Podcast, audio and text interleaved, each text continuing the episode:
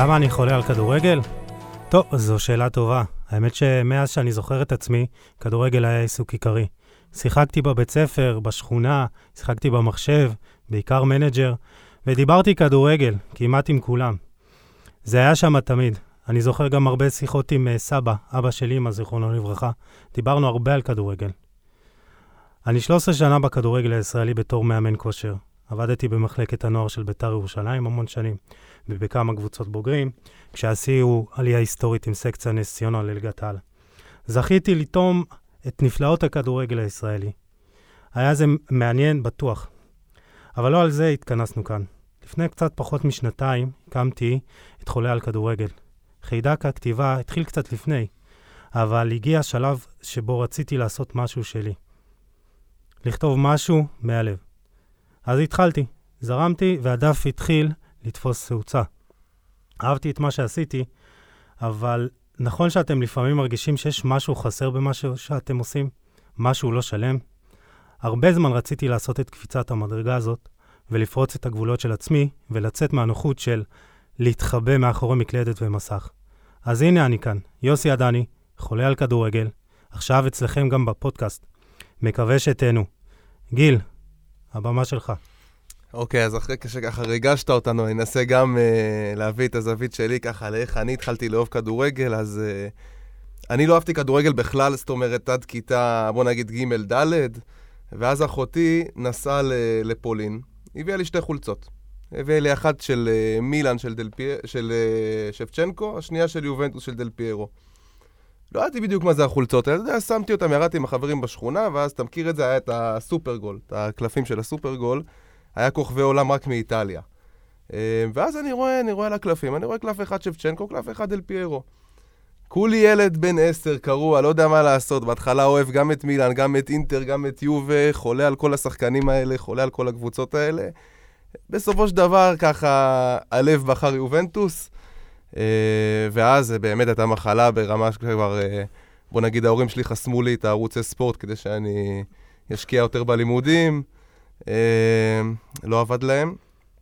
אה, וזהו, עכשיו אה, אני גם מתעסק בזה, החיים ככה הכווינו אותי לשם. גם שיחקתי כדורגל, זה לא כך הלך, אז היום אני כותב על כדורגל, בוואן, מי שמכיר. כן, אתר קטן. כן, אתר צנוע קטן. אז שם אני באמת כותב על כדורגל, אוהב כדורגל איטלקי, אה, אוהב את הליגה שלנו, אוהב בעצם הכל, אתה יודע, כל דבר שיש בו כדור, כל דבר שאפשר לדבר עליו, אנחנו, אנחנו שם. טוב, אז אה, גם אתה חולה על כדורגל. אני, אה, כן, אני מטורף על כדורגל, לא חולה. טוב, זה, זו שריטה, זו שריטה, אין מה לעשות. אנחנו בסופו של דבר אה, אוהבים את המשחק, וכמו שתמיד אני אומר, זה לא משחק רק לשם המשחק. זה לא 22 שחקנים שרצים אחרי כדור, מנסים להכניס אותו לשער. זה 22 שחקנים, זה שחקני ספסל, זה, זה צוות מקצועי, זה הנהלה, זה מיליוני אוהדים, וזה חיים שלמים, זה חיים שלמים. שחקן הוא גם בן אדם, והוא מביא את המטענים הרגשיים שלו, ופעם הוא בסדר, ופעם הוא פחות בסדר, ובסופו של דבר אנחנו באמת, זה, זה משחק של החיים, ובאמת, הכדורגל מוציא מאיתנו כל כך הרבה רגשות, שלפעמים אני, אני אומר, בואנה, זה, זה מדהים, זה, זה כאילו, זה, זה עצב, זה שמחה, זה אושר, זה אכזבה, זה, זה, זה רגעים כיפים, זה רגעים פחות טובים, ורק לאחרונה אנחנו ראינו מה יכול שחקן אחד לעשות לאומה שלמה, לעולם כדורגל שלם. דייגו מרדונה, ואני חושב שזה באמת לגמרי, משהו ש... שמשפיע על כל כך הרבה אנשים, שיש לו כל כך הרבה כוח, ולא סתם אנחנו חולים על כדורגל. לא סתם, לגמרי, ואני חושב שכאילו, אני אחזק את מה שאמרת, גם בתור מישהו, גם אתה היית שם, גם אתה התעסקת בכדורגל, התעסקת גם בקבוצה, אני שיחקתי קצת. אתה לוקח את זה איתך כל השבוע, זאת אומרת, היה לך משחק טוב, היה לך משהו טוב, גם בתור אוהד, אתה לוקח ניצחון טוב, אתה לוקח אותו איתך לכל השבוע, הפסד כנ"ל, זאת אומרת, זה תמיד, זה תמיד שם איתנו. כאילו, לא משנה איפה נלך, לא משנה מה נעשה. בסופו של דבר, אתה יודע, אני אישית, אני בא, אני מנסה להירדם בעיה, אני חושב על איזה גולים יפים של... אה, אתה יודע, בטוח זה קורה לך גם. אז uh, משהו שכל כך הרבה אנשים אוהבים, ואז אנחנו זכינו שאנחנו יכולים לדבר על זה ככה. לגמרי, לגמרי. אני, אה, אני תמיד אומר שבחרתי במקצוע ממש לא משהו, כי בסופו של דבר, זה לא שאתה הולך למשרד אה, ב-8, 9 בבוקר, חוזר ב-5 ומתנתק. אתה כל הזמן שם. וזה מלווה אותך, ואתה משחק שישי, שבת, מנצח, מפסיד, אתה... יום ראשון שלך נראה אחרת לחלוטין. וזה לטוב ולרע, אבל בסופו של דבר אנחנו אוהבים את זה. ואנחנו אוהבים לדבר על כדורגל ולכתוב על כדורגל, ואנחנו עושים את זה בהצלחה יתרה בזמן האחרון, ובסופו של דבר אנחנו עושים את מה שאנחנו אוהבים. וחולה על כדורגל הפודקאסט, אנחנו נדבר הרבה על כדורגל, כדורגל עולמי, כדורגל ישראלי, נבחרת ישראל. אנחנו הכנו לכם פרק מה זה מעניין, ויש לנו גם ראיון שאנחנו נשמור אותו לפרק השני, שערכנו עם שחקן, ליגיונר, ואני חושב שאנחנו נתחיל, גיל. יאללה, אנחנו, אנחנו שם, נתחיל, קדימה.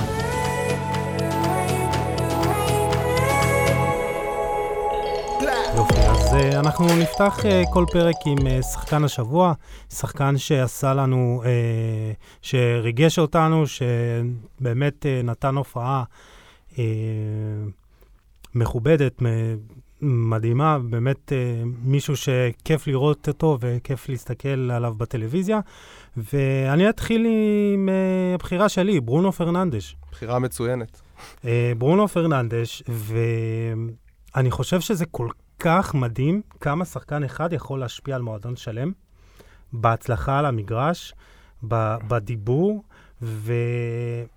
ולמרות שהמועדון נמצא, מנצ'סטר, יונייטד נמצאים בתקופה כבר שבע שנים שהם חוסר הצלחה, אני חושב שהם יכולים להישען על ברונו פרננדז', הוא משפיע, הוא מנהיג שלא צריך סרט קפטן, הוא מנהיג על המגרש, הוא משפיע באנרגיות, במשחק, כל המשחק עובר דרכו. לגמרי, ומה שמדהים במנצ'סטר יונייטד, אתה רואה כאילו, בתכלס, כל כוכב גדול שהיא רוצה לשים עליו את היד, היא מצליחה בסופו של דבר לשים עליו את היד. ברונו פרננדס, שהיו איזה שנתיים של חיזורים, גם ריאל מדריד, גם יונייטד, בסופו של דבר, היה ברור שהוא יגיע ליונייטד בסוף, וזה מה שקרה, ואתה רואה שחקן שהוא, הוא כאילו לא מסוגל לתת פס פשוט. הוא נותן, הוא רק, כל הפסים שלו פשוט פסים מקדמים. כל הפסים שלו מובילים למצבים.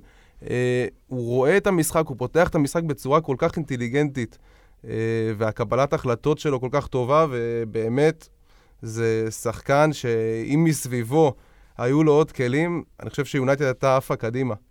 לגמרי, אתה ראית את זה במשחק נגד אה, וסטאם האחרון, מחצית ראשונה פשוט זוועתית של יונייטד, אה, בפיגור 1-0, הוא נכנס, והוא עשה מחצית שבאמת אני לא זוכר, של שחקן, אה, פשוט תופעה מדהימה. קצת מספרים מהמחצית שלו, 45 אה, נגיעות בכדור, 33 מסירות מדויקות, ב-84 אחוזי הצלחה, אבל זה לא רק זה, זה לא המסירות המדויקות, זה מה הוא עושה עם המסירות האלה, וזה בישול אחד כמובן. זה שתי מסירות לבישול, שזה נקרא second assist, שלפעמים המסירה לבישול היא הרבה יותר משמעותית וחשובה מאשר הבישול עצמו. ברור. כי בסופו של דבר, זו המסירה שפותחת אה, אה, את המשחק, היא מקדמת את המשחק. שמונה מסירות מפתח, וזה במחצית אחת. וואו. שחקנים לפעמים לא מגיעים לזה בח, בכמה משחקים, וכל המסירות במשחק פתוח, לא במצב נייח, לא בקרן. אה, שש מסירות ארוכות מדויקות, וזה באמת מחצית מדהימה. וברונו פרננדש באמת משפיע על המשחק, ובסופו של דבר, שלוש אחת, ויונייטד כבר מקום חמישי. אני לא זוכר באמת, כאילו, שלוש, ארבע נקודות במקום ראשון. נראה שמשהו מתחיל להתחבר שם לסולשר. אה, כן, כן, ובאמת אני חושב שיונייטד יכולה אה, לבנות על אה, פרננדש ולבנות על ה... אה, את הקבוצה סביבו, ועכשיו ראינו שמר פוגבה... מר פוגבה כנראה... החליט, החליט להתעורר. כן, כן, והסוכן העל מינו ריולה. אולי הוא מסמן ליובנטוס לקראת ינואר. אז. נכון, אז אנחנו נדבר על זה. אני חושב שגם בהקשר ליובנטוס, פוגבה יכול לתת את הבאז הזה ואת הרענון שהיא צריכה, אבל על זה אנחנו נשמור לסוף, אה, להמשך הפרק. אבל פרננדש באמת הוא, הוא היום לפי דעתי, הוא באותו אה, level של אולי פחות מעט, אבל ב-level של מוסרים כמו קווין דה בריינה, תומאס מולר, מבחינת הפליימקרים האלה, המייצרים. ואני אתן לך עוד קצת אה, נתונים מתקדמים. הוא שלישי בחמש הליגות הבכירות באירופה, במספר מסירות מפתח, אה, עם 34 מסירות. הוא רק אה, הקאן ממילאן וממפיס דפאי מסרו יותר ממנו. הוא ראשון במס, במספר מסירות העומק, תשע בסך הכל, יחד עם דה בריינה. ארי קיין, שעוד מעט אנחנו נדבר עליו, ספוילר, ואנחל די מריה, ושני, רק ללוקטלי מססוולו, במספר המסירות המקדמות, אה, עם שמונה מסירות מקדמות, וזה שחקן שמשפיע על קבוצה שלמה. לגמרי, לגמרי. טוב, אני, אני אעבור רגע לבחירה שלי ברשותך. יאללה, לך על זה. אז uh, הבחירה שלי גם הגיעה מהפרמייר ליג, כבר נתת פה ספוילר. אז בעיניי, אני, אני קודם כל, יש לי חולשה לשחקנים ש, שממציאים את עצמם מחדש במהלך הקריירה, ועוד בגיל יחסית מבוגר. עשה את זה ערן זהבי, עשה את זה ג'ושוע קימיך, פיליפ לאם, אתה יודע, שחקנים כאלה שפתאום בשלב מסוים או שהם משנים עמדה או שהם משנים את הסגנון שלהם לגמרי. אז ארי קיין הוא אחד כזה, והעונה הוא עושה את זה פשוט בצורה מדהימה. ואיכשהו שינה את הסגנון במשחק שלו בעצם, שאתה רואה כשטוטנאם תוקפת, הוא יורד טיפה לאחור, הוא יורד לעומק, תכף נדבר על זה גם. הוא יורד לעומק, ואתה רואה פשוט את סון ואת ברגפריין, או למלה, או לוקאס, כל מי שמשחק שם, לא משנה, פשוט טסים מאחוריו, וכמה זה בעצם משדרג את המשחק של טוטנאם, שהיא היום אולי הקבוצה, כנראה הקבוצה הכי יעילה בפרמייר ליג. זאת אומרת, זאת קבוצה שמאיימת על השער שלוש, ארבע, חמש פעמים למשחק, התקפות שלה פשוט קטלניות, המחץ שלה בהתקפה קטלני, הרבה בזכות היכולת של קיין. אז בואו אני גם אתן לך קצת מספרים שלו. ככה אספתי מספרים שבאמת בהשוואה לעונה שעברה. זאת אומרת, העונה, אם בעונה שעברה הוא נגע 34.1 פעמים במשחק בכדור, אז העונה זה כבר 43.1. זאת אומרת, תבין את השיפור המשמע... הכל כך פסיכי הזה, ושתי מסירות מפתח לעומת 0.9 בשנה שעברה, יוצר תשעה מצבים מסוכנים למשחק לעומת ארבעה אשתקד, 2.1 כדורים ארוכים, 61 אחוזי הצלחה, לעומת 0.8 אשתקד, והוא עדיין מסוכן לשער, שזה מה שמדהים, הוא עדיין נמצא ברחבה, לא ברור בדיוק איך הוא עושה את זה, הוא עדיין ברחבה, כאילו, כאילו פשוט עשו עוד ארי קיין והעלו אותו למגרש. אז זה ממש ככה, הוא בועט אפילו יותר פעמים לשער במשחק, 2.9 פעמים לשער במשחק, לעומת 2.1 בעונה שעברה. והשינוי שלו אפילו גרם, שמעתי את גארי נביל, משווה אותו לזידן. וזה נורא מעניין, כי באמת שניהם שחקנים, אתה יודע שגם בבלנס שהיה לזידן במרכז שדה, שהוא היה לוקח את הכדור ומצליח לשמור עליו כל כך טוב ולשחרר כדור בנגיעה, זה משהו שארי קיין מאוד מזכיר אותו היום ועושה אותו היום לא מעט. זאת אומרת, בעזרת, ה, בעזרת הפיזיות שלו, בעזרת הבלנס שלו, אה, וגם לשחרר מסירות עומק אה, כל כך טובות ולהעמיד את השחקנים שאיתו בעמדות כל כך טובות, לאו דווקא לאו דווקא עכשיו להעמיד שחקן מול שוער, אבל דוגמה להעמיד את עכשיו, לתת לסון כדור, שאתה יודע שסון עושה את הדריבל האחד שלו ונותן את הכדור הזה לחיבורים, כמו המשחק האחרון נגד ארסנל. אה, ואני חושב שמי שמגיע לו פה קרדיט עצום בעצם זה מוריניו. כן, עכשיו, אה, אין ספק. מוריניו, מוריניו אמר גם, הוא אמר, אה, אה, הוא אמר על קיין, אולי עכשיו אנשים ישנו, ישנו את האופן בו הם אה, מסתכלים על חלוצים. אה, חלוץ יכול להיות איש המשחק גם בלי להפקיע. עכשיו, קיין עצמו אומר, אני חושב שמוריניו ראה שאני אוהב לרדת לעומק כדי לקבל את הכדור. הוא מספר, הוא אמר, הוא אמר לסון, ברכווין, למלה ולוקאס, שאם אני עושה את זה, הם צריכים לרוץ לעומק מאחוריי. אני משחק את הכדורגל הטוב ביותר ששיחקתי בחיי. תחשוב מה זה לשמוע דבר כזה משחקן בגיל של ארי קיין. 27. שחקן בן, כן. שחקן בן 27, שפשוט מגלה את עצמו מחדש, כאילו, איפה היית כל השנים האלה? כל השנים כאילו, עונה שעברה שני בישולים. לגמרי. Uh, העונה כבר, העונה כבר uh, 11 בישולים. אני חושב שזה באמת משהו שנותן לטוטנאם ערך מוסף, ואנחנו נדבר על זה. כן. Uh, וזה מדהים, באמת uh, מדהים. קודם כל, זו, זו בחירה uh, מדהימה. אני חושב שקיין יחד עם uh, סון, פשוט צמד מפלצתי. וזה מדהים השינוי בתפקיד הזה, כי זה משהו שבאמת זה לא קל, אבל היום אנחנו רואים יותר ויותר שחקנים שפשוט יכולים לשחק בכמה עמדות, שהם יכולים להניע את הכדור מאחורה, הם מצטרפים לרחבה, הם משתתפים במשחק הלחץ. זאת אומרת, חלוץ הוא לא רק חלוץ. אנחנו עדיין רואים קצת את התפקידים הקלאסיים, ו... אבל אנחנו גם רואים שחקנים יותר אוניברסליים. אנחנו רואים בלמים שמשתתפים בהנעת כדור, שהם יוצאים קדימה עם הכדור, שהם מקדמים את המשחק, ואנחנו רואים גם חלוצים שעושים אה, לחץ, ואנחנו יכולים לדבר רק שעות על סוגי השחקנים האלה. אבל באמת, השינוי ש... שקיין עשה הוא פשוט מדהים. ו... אתה יודע, היינו רגילים, קיין, חלוץ, מרכזי, מטרה, נכנס לרחבה, משחק ראש, פתאום אנחנו רואים אותו מנהל משחק, playmaker בצורה מדהימה, ואתה אומר, תשמע, הוא לא פנטזיונר כמו זידאן, פתאום הוא מחלק לך כדורים, ופתאום הוא מנהל משחק ומוסר מסירות מפתח ו- ו- ומבשל, ואני חושב שבאמת הקרדיט צריך להגיע לז'וזה מוריניו. לגמרי. ואנחנו גם נדבר על מוריניו עצמו, אבל בהקשר של קיין, אה, יש את הסדרה של אה, אמזון, הכל אה, או, או כלום, ובאחת השיחות, שזה מדהים מבחינתי, ששם המצלמות נכנסו לתוך חדר הלבשה, לתוך השיחות האישיות, באחת השיחות הראשונות של אה, מוריניו עם אה, קיין, הוא אומר, הוא אומר לו, אתה תהיה איתי, אני אעזור לך להתפוצץ. ואתה אומר, בואנה, כאילו, בגיל 27, 26 uh, כזה, אתה אומר, מה כבר יכול, מה כבר יכול לעשות מאמן ב... עם שחקן? לשחקן כאילו, שכבר היה כמה פעמים מלך השערים של הפרמייר. כן, ליג, כאילו זה עדיין גיל לא מבוגר, אבל זה עדיין גיל שאתה, שחקן הוא מיוצב. הוא שחקן, אה, אה, יש לו את האפיונים המרכזיים שלו, ופתאום אתה משדרג אותו בכמה רמות. תשמע, אני חושב שאנחנו בכלל נמצאים בעידן חדש עכשיו, שכאילו כל הקטע של פעם של לפרוש בגיל 32, 33, לגמרי. זה כבר, זה כבר פסה, אני חושב שכבר אנחנו התקדמנו, כמו שאומרים שעם הטכנולוגיה אנחנו כנראה נמות יותר זקנים, אז כנראה ששחקני כדורגל היום, אה, החיים שלהם הרבה יותר ארוכים, כי אתה רואה, אתה רואה כאילו, לא צריך להזכיר, אתה יודע, את זלאטן, את רונלדו, אבל לא רק, כאילו, אתה רואה שחקנים בגיל 30, מתחילים להמציא את עצמם מחדש, מתחילים... ל- לבנדובסקי ב- בכושר הכי טוב שלו בקריירה בגיל... לגמרי, לגמרי. אז אני חושב שכבר, ה, אתה יודע, השלושים הזה שכולם מפחדים ממנו, שאומרים שכבר, כן. אתה יודע, כשזה מגיע לשלושים אז אומרים שהשחקן זקן, אני חושב שזה כבר לגמרי, אתה יודע, יצא, יצא כבר מהטול, מה שנקרא. כן, לגמרי. ובאמת אה, קיין מציג את הכושר הכי טוב בקריירה שלו, הוא כובש יותר, הוא מבשל יותר, וזה משהו מדהים שבאמת אני חושב ש...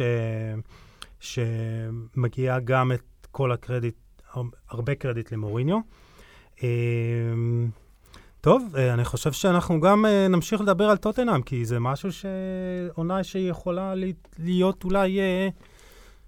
היא סוף סוף יכולה לקחת תואר. זהו, אז מה שקורה בעונה הזאת בכלל באירופה זה מטורף, כי אתה רואה את, ה, את האחוזי ההצלחה של הגדולות פשוט בשפל, נראה לי, של כל הזמנים. כן.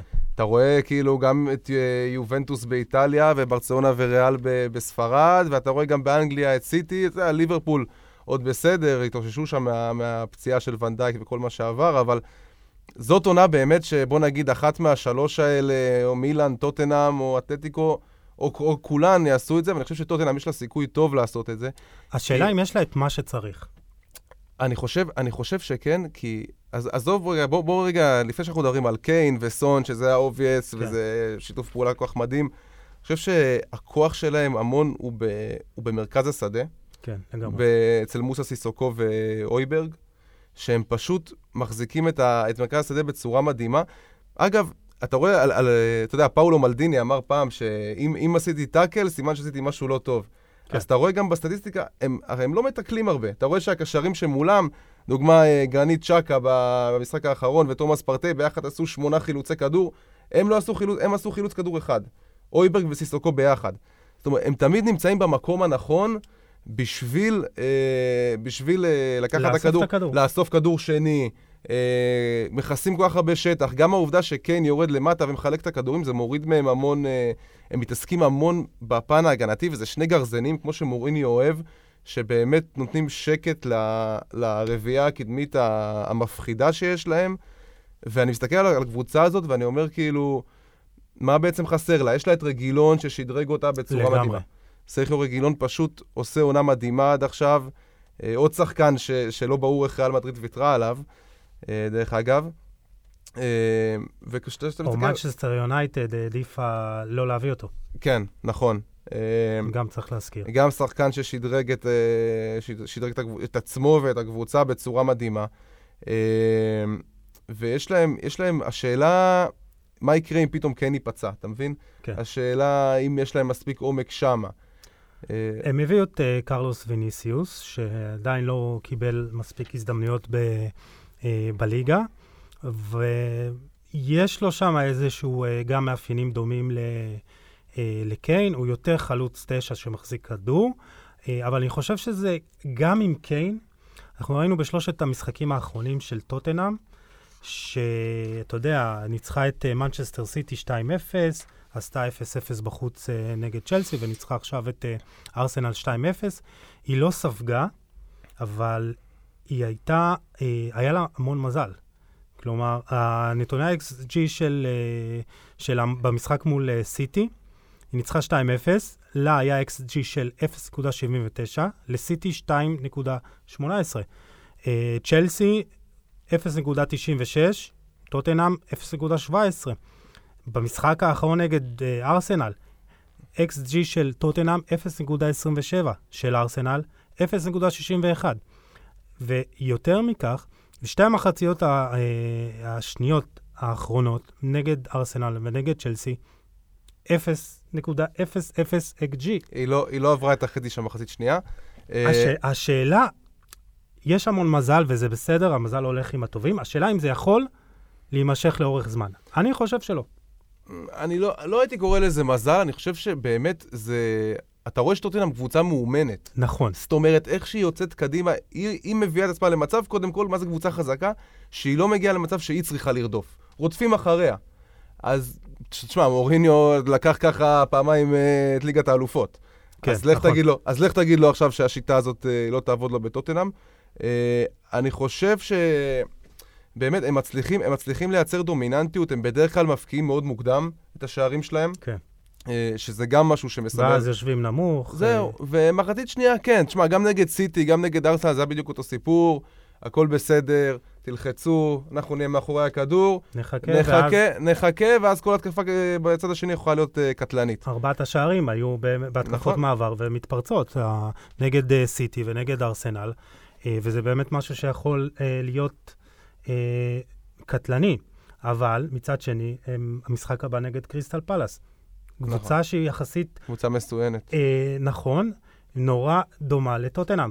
יושבת נמוך, לא מחזיקה הרבה בכדור, ויוצאת קדימה. נכון. השאלה אם נגד קבוצות מול קריסטל פלאס, לטוטנאם יש את הכלים ההתקפיים זהו. ואת הפתרונות. זהו, אז אתה אומר, אם היא, אז אתה אומר כאילו, אם היא מסוגלת ליזום וגם ב, ב, בצורה, בצורה כל כך אה, משמעותית, אה, אני חושב שכן, כי בסופו של דבר, זה נראה שמוריניו נותן דגש מאוד חזק על איך השחקנים שלו פותחים את המשחק, והם פשוט עולים בטירוף, אה, ואם הם ייתנו שם את הגול המוקדם, אז זה יכול גם... אה, אבל כן, אני מבין מה אתה אומר, שאם המשחק הזה ייגרר ל-0-0, טוטנאם מתקשה.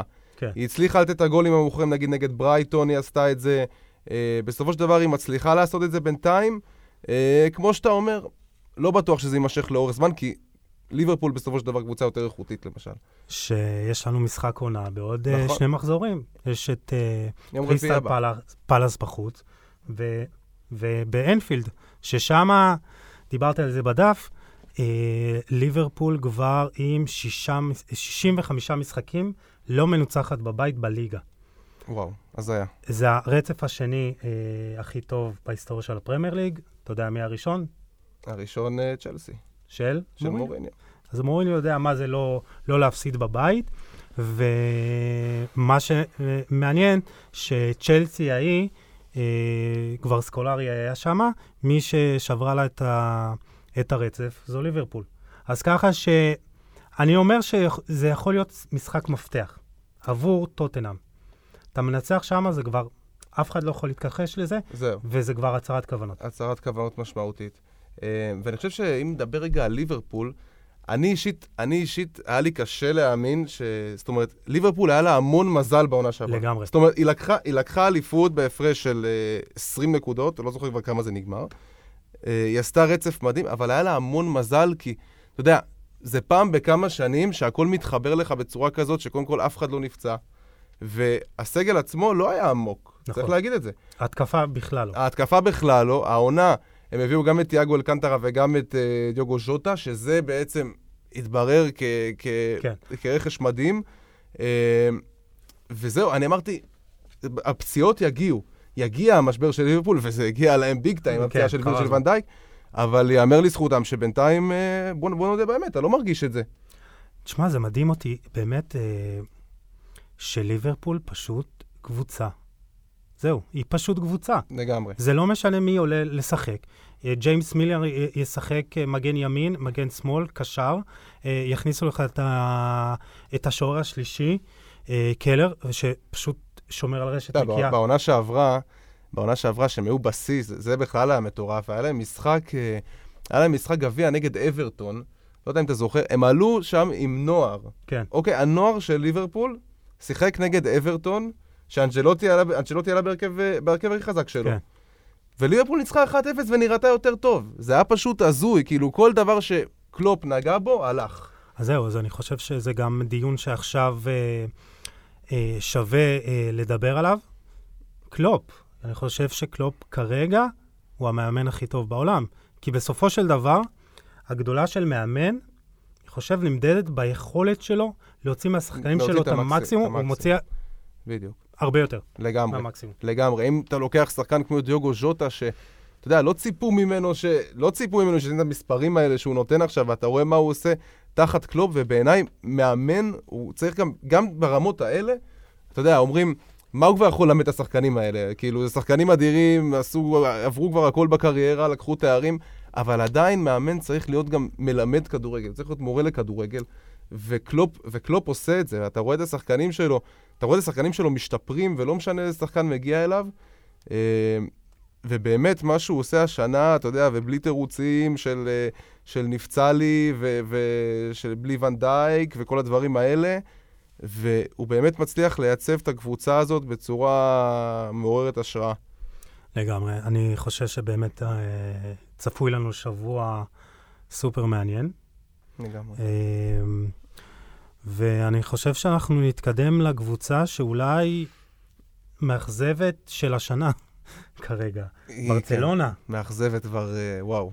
כן, ברצלונה. מה, אז, מה, מה יהיה עם המועדון הזה? ה- ה- אני באמת לא חשבתי שהשנה הזאת תהיה כזאת אה, רעה, מקום תשיעי. היא תשמע, יותר קרובה למק... ל- היא שלוש נקודות מ... מירידה. היא לא תרד, היא לא. היא, כן, לא, כאילו, היא לא אני תרד, היא לא תרד, אליפות היא כנראה לא תיקח, ואני אישית, אני אישית, בתחילת הדרך של קומה, אני האמת די, די התלהבתי מברצלונה, זאת אומרת, היא נראתה... היא פתחה טוב, שני משחקים נראתה, היא טובים. נראתה טוב עם פאטי ופדרי, ופתאום היה נראה שם משהו... קוטיניו, פתאום... וקוטיניו שפתאום פורח מחדש, בדיוק אחרי שפיתח את השרירים שם בביירן. אה, ופתאום עוד פעם, ואתה רואה את זה כאילו, טעויות בהגנה, פשוט, כאילו שחקנים כבר התחפשו לסנטה קלאוס והקדימו את הקריסמס, כאילו, ומינגסה, ומינגסה שם ולנגלה, טעויות הזויות בהגנה, ותשמע, אין מה לעשות, בסופו של דבר, כל מה שקרה עם מסי ב- ב- בקיץ השפיע, כי זה משהו חסר תקדים, אתה רואה ששחקן... שחקן בסטטוס כזה אומר שהוא לא רוצה להמשיך במועדון, ובעצם כופים עליו להמשיך במועדון ומתאבדים עליו ומה שיהיה יהיה ומקסימום נאבד אותו, אבל כאילו המחויבות הזאת כלפי הקהל של אנחנו לא יכולים לשחרר את מסי, כל וכל זה תלוי בנו, הוא יהיה פה. אני חושב שזה בסופו של דבר בא בעוכרי הקבוצה, כי תחשוב ש... וזה לא סתם שחקן, זה שחקן שאומרים לו, אוקיי, אתה עכשיו תוביל, וכופים עליו לבוא להוביל, וככה זה נראה. וככה מסי נראה על המגרש. ו... ואני חושב ש... זה לא נראה טוב. אני באמת כאילו חושב שזה הרצף משחקים הכי פחות טוב של מסי בקריירה. לגמרי. עזוב את הש... ה- הוא לא, הוא לא כובש ממשחק פתוח, שער אחד, אבל הוא נראה כבוי. הוא נראה כבוי, הוא נראה... אין לו עם מי כאילו לשתף את ה... זה, לקחו לו את החבר הכי טוב מהקבוצה. לגמרי, לגמרי. רואים את זה בשפת גוף, ומסי כשהוא לא נהנה, אז אתה לא נהנה ממנו גם. אה, ואני חושב שהם היו חייבים להסיק מסקנות אחרי ה-8-2 לביירן בעונה שעברה, ולהחליף את כל ההגנה, ולהביא שחקנים מהגנה. אין אפשרויות כספיות. אבל אין, כאילו, זהו, בדיוק. אין, אה, זה, זה נפל שם עם אה, ארי גרסיה בדיוק ברגע האחרון של חרון העברות, שגם אה, ארי גרסיה אמור להגיע וגם ממפיס דה פאי. ואם שני השחקנים האלה היו מגיעים, שוב, לא יודע כמה ברצונה יכולה לבנות על בלם בן 19. כן. אבל, אבל אם זה היה קורה, אז באמת, יכול להיות שזו הייתה תוספת כוח משמעותית לברצלונה. אבל כמו שזה נראה כרגע, באמת, אני לא רואה את קומן, הוא לא, הוא לא, הוא לא, הוא לא מצליח להשתלט שם על, ה, על העסק. אני חושב שגם אין לו את הכלים, אבל גם אתה רואה כאילו שאין לו השפעה על הקבוצה. השחקן הכי טוב שלו העונה נפצע לכמה חודשים, אנסו פאטי, עונה, אה, עם פתיחת עונה מדהימה, שהוא גם פתר לו את ה... אה, בכמה משחקים גם הוא פתר לו את אה, בעיית החלוץ, הוא שם אותו למעלה בשפיץ, כן. וזה שחקן שיותר הלך לעומק. ואז אתה אומר, מסי וגר, וגריזמן כשהם משחקים ביחד, באמצע דורכים אחד לשני. שגריזמן. התחיל להיראות לא רע, אגב, מאז הרעיון שלו שם, מאז הרעיון שהוא פתח את הלב, הוא התחיל להיראות באמת לא רע. אה, אבל אני, אני, לא, אני חושב שברצלונה יש לה סגל מדהים. זאת אומרת, חוץ מה... אני בתחילת העונה אמרתי, אוקיי, ברצלונה העונה... היא לא, היא לא תדבר בליגת כן. האלופות, היא כנראה לא תיקח את ליגת האלופות, אבל אליפות בליגה זה משהו שברצלונה צריכה לעשות עם הסגל הזה. ועם סגל של, של דמבלה וקוטיניו ופדרי, שהוא שחקן פנטסטי. ו... כן, אבל עדיין הוא בגיל 17, אז, אז אתה לא יכול לבנות עליו. לא, נכון, אתה לא בונה עליו, אתה גם לא בונה על אה, דמבלה ש, שנפצע כל, אה, כל רבע שעה בערך. כן. אה, אבל ברצלונה עם הסגל הזה הייתה חייבת לעשות הרבה יותר העונה. תשמע, המועדון באמת, אה, יש לו בעיות קשות, ואני חושב שצריך להקדיש לזה רק פרק אחד שלם. זה סדרת, לא... סדרת פרקים, צריך לעשות את לגמרי, אה, והבעיות שם, ואני חושב עכשיו עם אה, לכתו של, עזיבתו של הקבוצה של ברטומיאו, יתחילו לראות שינויים, אבל אני חושב שאין אפשרויות גם כספיות, אז גם, אתה יודע, יהיו איזה שנה, שנתיים קשות. בכלל, אם מסי יעזוב בסוף העונה, זה משהו ש... תשמע, זה פשוט הזוי שכל המפעל חיים הזה שלהם, שנקרא מסי, זאת אומרת שהם לקחו אותו מגיל 6,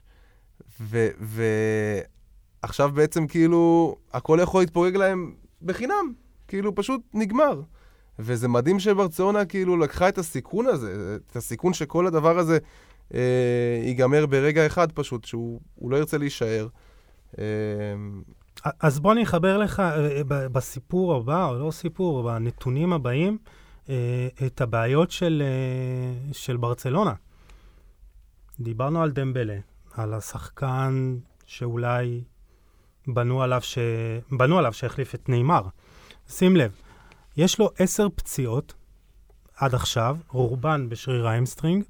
הוא החמיץ עד כה 82 משחקים. הוא החמיץ 523 ימים, והוא שיחק סך הכל 59 משחקים בליגה מתוך 125 אה, בסך הכל. וואו. זה פחות מ-50 אחוז. ומה אה, ג'וזפ מריה ברטומאו אה, אה, אמר עליו באפריל 2019? הרמה של דמבלה כעת גבוהה יותר מזו של ניימר. הוא שחקן הרבה יותר טוב מניימר, והוא יתאקלם כבר. עכשיו, המשפט הזה, וכל ההקשר סביבו, מספר את הסיפור של ברצלונה לגמרי. בשנים האחרונות. לגמרי. מדיניות הרכש המזוויעה.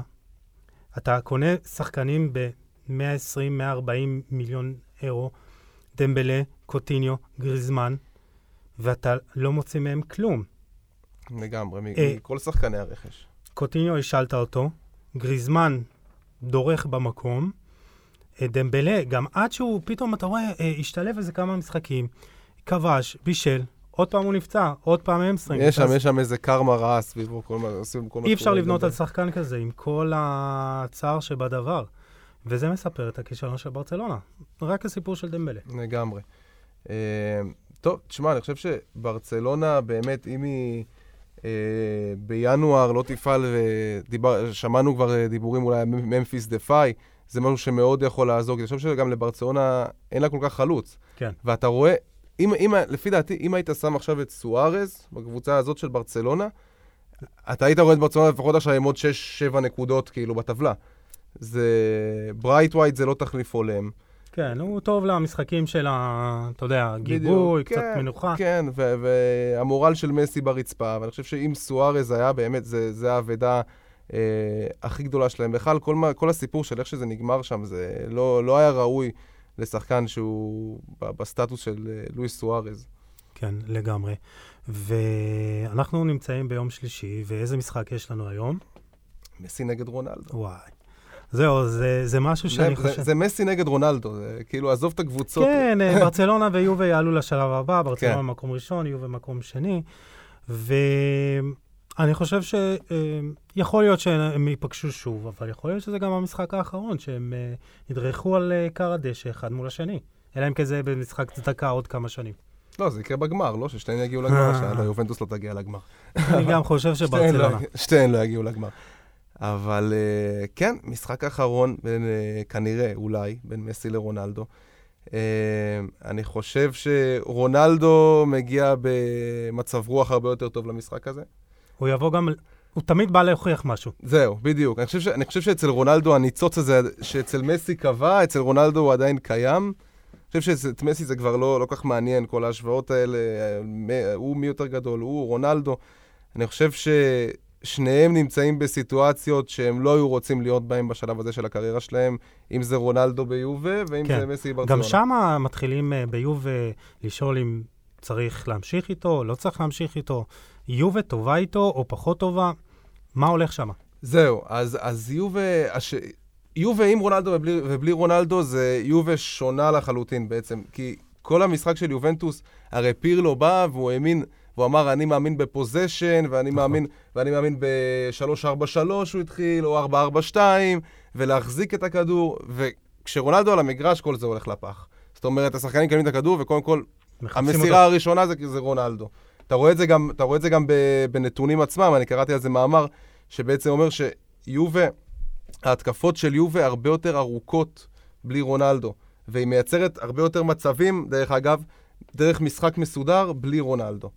אה, אבל מצ- מצד שני, גם מפקיעה פחות שערים, כי אין לה מחץ. עכשיו, יש את נקודת האור שזה מורטה, שהוא חזר ל- לגמרי. לקדנציה שנייה והוא פשוט נראה פנטסטי. כן, יש- יש שחקנים שפשוט מתאימים לקבוצה, כי הוא כן. לא- לא היה דומה לעצמו בצ'לסי, לא באתלטיקו מדריד. נכון, נכון. ו- ותמיד היה נראה לי שביובה, גם בקדנציה הקודמת, בקד- בקדנציה הקודמת הוא היה כאילו- מעולה.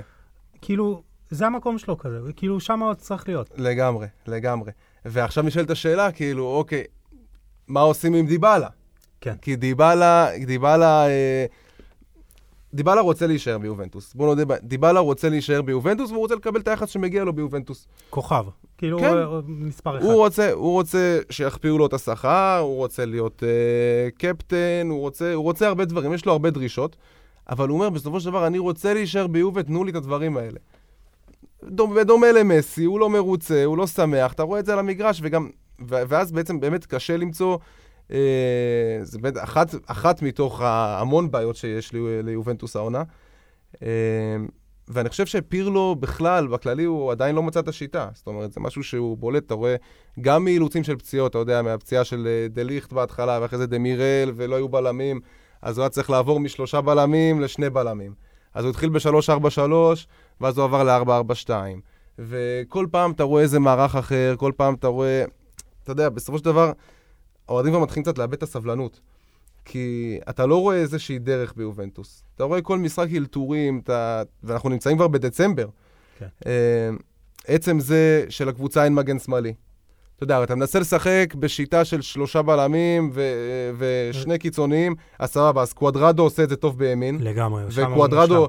גם, אפרופו שחקנים שהמציאו את עצמם עכשיו בגיל מאוחר, אז קוואדרדו ממציא את עצמו לגמרי כמגן ימני, ואולי השחקן, יחד עם מורטה ורונלדו, שלושת נקודות האור של יובנטוס העונה. בצד שמאל, אתה יודע, אלכסנדרו זה כבר לא זה. אה, אז פתאום פותח לך בתחילת העונה שחקן כמו פרבוטה. עכשיו זה, אני מבין את הרצון כאילו לקדם שחקנים מהפרימוורה, והכל טוב ויפה, אבל לקבוצה כמו יובנטוס זה לא מתאים. אה, אז אין מגן שמאלי, אה, זה בעיה מאוד קשה. בנוסף, הגיע שחקן ליובנטוס בשם דיאן קולוסבסקי. פירלו לא יודע להשתמש בו. זאת אומרת, קולוסבסקי, שנה שעברה בפארמה, עשרה שערים ותשעה בישולים. שחקן באמת מדהים. שחקן אה, playmaker, יש לו מסירות מפתח, יש לו, יודע לאיים על השער, תמיד מסוכן לשער, ופירלו שם אותו עכשיו ב-4-4-2, כי פירלו עכשיו עבר ל-4-4-2, הוא הבין שה-3-4-3 פחות הולך.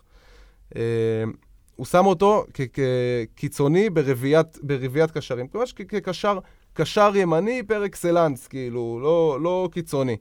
משחק מאוד רחוק מהשער, הוא עשוי גם המון לעזור בקו, לקוודרדו הגנתית, כי אין מה לעשות, קוודרדו ב...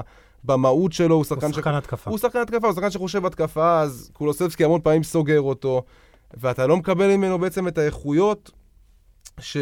שהיית צריך לקבל ממנו, כנ"ל לגבי פדריקו קיאזה. שאם כן. הוא שם את פדריקו קיאזה גם בתור, בתור קיצוני מאני, זה גם, זה שחקן שצריך לשחק אה, בש, בשלישיית התקפה. נכון. אז, אז השימוש הזה בשחקנים, אה, אה, לפעמים אני, אני פחות מבין אותו. כאילו, אתה קונה שחקן בעמדה מסוימת, תשתמש בו בעמדה מסוימת. אם אתה לא יכול להשתמש בו אה, בעמדה שהוא הכי טוב בה, אל, תר, אל תרכוש אותו. לגמרי. כמו גריזמן, לג... גריזמן תמיד היה החלוץ השני, זה שבא מאחור, מחזיק כדור, שיש אה, אה, מלפניו חלוץ תשע אמיתי. ואז אתה מביא שחקן שאתה בעצם לא יכול להשתמש בו בצורה האופטימלית. לגמרי. אז, אז למה להביא אותו? לגמרי. אני התפללתי, התפללתי שנה שעברה שראיתי את דיאן קולוסבסקי עוד מככב בפארמה, ויובה קנתה אותו בעצם בינואר ב-35 מיליון יורו. התפללתי, רק תיתנו לו, רק תיתנו לו את המושכות, רק תנו לילד הזה לשחק איפה שהוא צריך לשחק, ואנחנו כבר נראה ממנו פירות, אבל זה לא קורה, זה לא קורה כי יש את האילוצים של הקבוצה, ופירלו כופה את השיטה שלו ועדיין לא מצא את השיטה שלו. Okay. כן. אמ, ויש לך כל כך הרבה, יש לך פקק כל כך גדול בהתקפה של רונלדו, של מורטה, של דיבלה, כולם רוצים את הכדור. כן. Okay. ובינתיים זה נראה, זה נראה פשוט מסורבל מה שקורה ביובנטוס. האליפות בסכנה? אמ, אם האליפות בסכנה, תשמע, אמ, האליפות קודם כל כן, היא בסכנה, אבל אני חושב שבסופו של דבר זה יקרה, כי אני חושב שמילאן, לא יודע, אני... באמת קשה לי להאמין שמילאן תחזיק אה, כל כך הרבה זמן. זה, זה בעיניי יהיה מדהים לא פחות מלסטר, כאילו, אם מילאן תיקח אליפות בקטע כזה. עד כדי כך? עד כדי כך, כי מילאן, פשוט מה שקורה שם השנה, זה מדהים. כאילו, הכל הולך, סטייל ליברפול שנה שעברה, דיברנו, אז, אז אותו סיפור. הקבוצה הזאת יש לה הגנה חלשה, אוקיי? רק בשביל לסבר את האוזן, רק בשביל לסבר את האוזן, למה, כמה ההגנה של מילאן חלשה, אז במשחק יש 8.65 שערים צפויים נגדם מאזור נקודת הפנדל, אוקיי? כל זאת לעומת 6.70 של יובנטוס, סבבה? 3.34 מרחבת החמש. ואני רואה משחקים של מילאן, וכל כך הרבה פעמים... קל להגיע מולה. קל להגיע מולה, קל להגיע מולה למצבים. ולעומת 1.1 בלבד של יובנטוס. זאת אומרת, מילאן, ההגנה שלה, קודם כל, יש לה את תיאו ארננדס בצד שמאל, שהוא נכון. פנטסטי, נקודת האור בהגנה. אבל רומניולי לא דומה לעצמו אה, רומניולי... בעונה הזאת, לא, לא. זה, לא זה סימון קארות בסדר, קלבריה בצד ימין, סלח לי, אבל זה לא מגן שמתאים לרמה של מילאן. אה, אם הם באמת רוצים ללכת עד הסוף, הם יהיו חייבים להביא אה, לפחות מגן ימני ועוד גיבוי לזלטן, כי כמו שאמרתי, גם דיברתי על זה בעמוד שלך, שאמרתי ש... ש... הפציעה של זלאטן בעצם הייתה צפויה, זה לא היה הגיוני, הכמות משחקים שהוא שיחק, הוא אפילו, אפילו בליגה האירופית הוא לא קיבל מנוחה. אז אתה יודע, זה היה שעון חול, מה שנקרא, עד, ש... עד שזלאטן ייפצע, ואני מקווה שהוא לא ייפצע להם העונה, אבל מרגש לראות את מילאן חוזרת, אפילו, אפילו בתור יובה, בתור אוהד יובה, כאילו... לא, אבל היא גם משחקת כדורגל טוב. היא משחקת, היא משחקת כדורגל טוב. היא משחקת... הרבה בנו על, על איבראימוביץ', אבל אתה רואה שגם בלעדיו היא מצליחה לאסוף את הנקודות. שים לב ליאנס פטר ראוגה, שחקן שהם הביאו, אה, שהם הביאו מבודי גלימט, הנורבגית, שהם שיחקו נגדה במוקדמות הליגה האירופית, הוא כבש נגדם, הרשים, החתימו אותו. כן. שחקן חבל על הזמן. עוד, עוד ילד פלא מהדור הזה של, אה, של נורבגיה. אה, גם שחקן מספר 10 אמיתי כזה, שחקן מצוין. יש להם... תשמע, יש למילן, יש למילן קבוצה טובה, יש לה קישור מעולה, טונאלי מתחיל להתחבר שם לאט-לאט. אה, פרנק... כן, מה עם אה, טונאלי בעצם? זהו, אז טונאלי, הוא... טונאלי לקח לו טיפה זמן. כי בנאסר ו... זהו, בנאסר וקסיה זה ברזל. אז uh, עכשיו לאט-לאט פיולי באמת מתחיל להשתמש בטונאלי, זה מתחיל להיראות טוב. Uh, זה עדיין לא בא לידי ביטוי בכל מה שקשור לקטע היצירתי, הוא משחק שם יותר כגרזן כזה, יותר כשש, כן. ליד פרנק קסיה. אבל זה באמת אמצע של פרנק ו- וטונאלי. זה באמת אמצע, אמצע מפחיד, ויש לך עוד את בן נאסר. אז בקישור מילן מסודרת. בקישור מילן מסודרת, בהתקפה היא חייבת גיבוי לזלטן. כי מתישהו, אני לא יודע, בקצב הזה הוא יסיים עם 38 אה, שערים, כאילו, אני לא יודע מתי זה ייעצר. שמע, זלטן באמת, אה, זו תופעה. כאילו, אי אפשר לדבר על כדורגל עולמי, על אה, כדורגל איטלקי ומילאן, בלי להזכיר את מה שזלטן איבראימוביץ' עשה במילאן. אה, זה הרבה יותר משמעותי ממה שפרננדז' עושה, עושה ביונייטד. מילאן היא זלטן איבראימוביץ'. תשמע, ואת, כאילו, זה לא אותו דבר. הוא הגיע בינואר בשנה שעברה, ואתה אומר, זה מדהים. אני חושב שזלטן איבראימוביץ' בעצם השחקן בעיניי הכי מיוחד בכדורגל העולמי. כל מה שהוא מייצג מיוחד. קודם כל, תחשוב, הוא שוודי. אוקיי, הוא לא ארגנטינאי, הוא לא פורטוגלי, הוא שוודי פתאום. מה קשור שחקן ברמה הזאת משוודיה? עצם זה שהוא הלך כבר, הלך כבר לארצות הברית, כולם סיימו לו את הקריירה, לצאת מאזור הנוחות הזה, לחזור למילאן, להגיד שאם היית מתחילת העונה שעברה, הקבוצה הייתה לוקחת אליפות, ולבוא העונה ולהיות מקום ראשון, אז, זה- אז, אז זה מה שמדהים אצלו. כאילו, הוא מדבר, הוא לא מדבר בדיעבד, הוא מדבר כאילו לפני זה, כן. ואתה אומר, בואנה, יכול להיות שהוא חי בסרט, אבל הוא לא חי בסרט, כי, כי, כי הוא מקיים את הסרט הזה. הוא כאילו אומר משהו, וזה מתקיים, ואתה אומר, אה, בריאיון שלו, ב, כשהוא חתם, אתה אומר, בואנה, כאילו, הוא אומר, אני אלחם יחד עם חבריי לקבוצה כדי לשנות את מהלך העונה הזו. אני אעשה הכל בכדי שזה יקרה. וזה קורה, אתה מבין? כאילו, הבן אדם עומד במילה שלו. וזה לא סתם, אתה אומר, כן, אנחנו נסתכל בלבן של העיניים לכל הקבוצות, ואנחנו נילחם, ואנחנו נעשה ככה. הבן אדם הזה באמת מקיים את מה שהוא אומר, והוא עושה את זה כשהוא באמת בגיל 39, אז אתה אומר, בואנה, כאילו, כמה עוד יכול לתת? והוא נותן. אז זהו, זלטן איבראימוביץ' בכל מקום בקריירה שבו הוא פרח, הוא פרח כש, כשסביבו בעצם, כשהוא היה המוביל של הקבוצה. זאת אומרת, נגיד למה זה לא הלך בברצלונה, כי אמרו לו להיות הצל של מסי, נכון. וזה לא התאים לו. וגם היה שם את כל האינטריגות עם פפ, וכל הדברים שהוא מספר עליהם גם ב, בביוגרפיה שלו, שפפ אמר לו, מהרגע הראשון שהוא הגיע למתחם האימוני, אמר לו, פה לא באים עם למבורגיני. אה, כבר כאילו סימן אותו בעין. אז פה באמת זלאטן, אתה רואה, עצם זה, הוא, הוא, הוא אשכרה הלך וקנה לכל השחקנים של מילאן פלייסטיישן 5. כן. כאילו, הוא סוג של אבא שלהם, וזה כל כך יפה לראות את זה, והוא גם מספר על זה, והוא אומר, יש פה חבר'ה צעירים מדהימים, ש... ש... החיבור שם, אתה באמת רואה אותו על המגרש, אתה רואה שיש סוג של אבא על המגרש. אז, אז זהו, שהוא הוא באמת מדבר ו, ו, ו, על זה, והשחקנים ש, שלצידו מדברים על זה, על זה שהוא מחדיר בהם את האמונה, שהם יכולים, שהם ווינרים, וכאילו, מדבר על קפטן ללא אה, סרט, זהו, זהו. הוא מנהיג, הוא מנהיג מלידה. וזה מתקשר לי למה שדיברנו ככה לפני ההקלטה, לגבי ככה הקדנציה שלו ב, ביובה, הוא הגיע לשם ילד רזה מאייקס, והוא הגיע לקבוצת uh, כוכבים, פביו קפלו מאמן, והיו שם דל פיירו, טורם, ו- ומה שהוא מדבר עליו, הוא מדבר שהוא הוא מצא מנטליות של, של ווינר, של, של ניצחון, ואתה אומר, בואנה, שם הוא נבנה, שם האופי הזה נבנה. כי עד אז הוא מדבר, כאילו גם קפלו אומר, שהוא שיחק בשביל הכיף, אתה יודע, טריקים וזה, ושם ביובה הוא גם למד להיות קטלני מול השער, גם להיות יעיל יותר, אבל גם המנטליות הזאת שהוא ספג, ואני חושב ששם באמת זה חדר לו תשמע, לראשונה. היה, זאת הייתה יובה שכל שחקן שם זה היה פיגורה בפני עצמו. היו שם נדווד ודל פיירו וטרזגה וליליאן טורם וקנברו ובופון, ש... שעדיין שם. ו... זה, זה מטורף, פשוט מטורף. כן. ו... ואתה אומר כאילו, אוקיי, עכשיו נגמרו המשחקים כאילו, ועם קפלו על הקווים, שזה הכי, אתה יודע, ארדקור שיש. אה, ודווקא בעונה השנייה ביובנטוס הוא לא כך הצליח. כן, כן, כן. הוא לא אבל- כל כך הצליח, ואז היה את המעבר לאינטר, אחרי כל הפרשת הקלצ'ופולי וכל זה. אה, ושם באמת זלאטן הפך, בעיניי, כאילו, דווקא באינטר הוא הפך בעצם לכוכב שהוא, שהוא היום, שהוא קיבל שם את המושכות ממנצ'יני, כאילו, בהתקפה, אה, ואחרי זה גם קצת עם מוריניו עד שהוא עזב לברצלונה.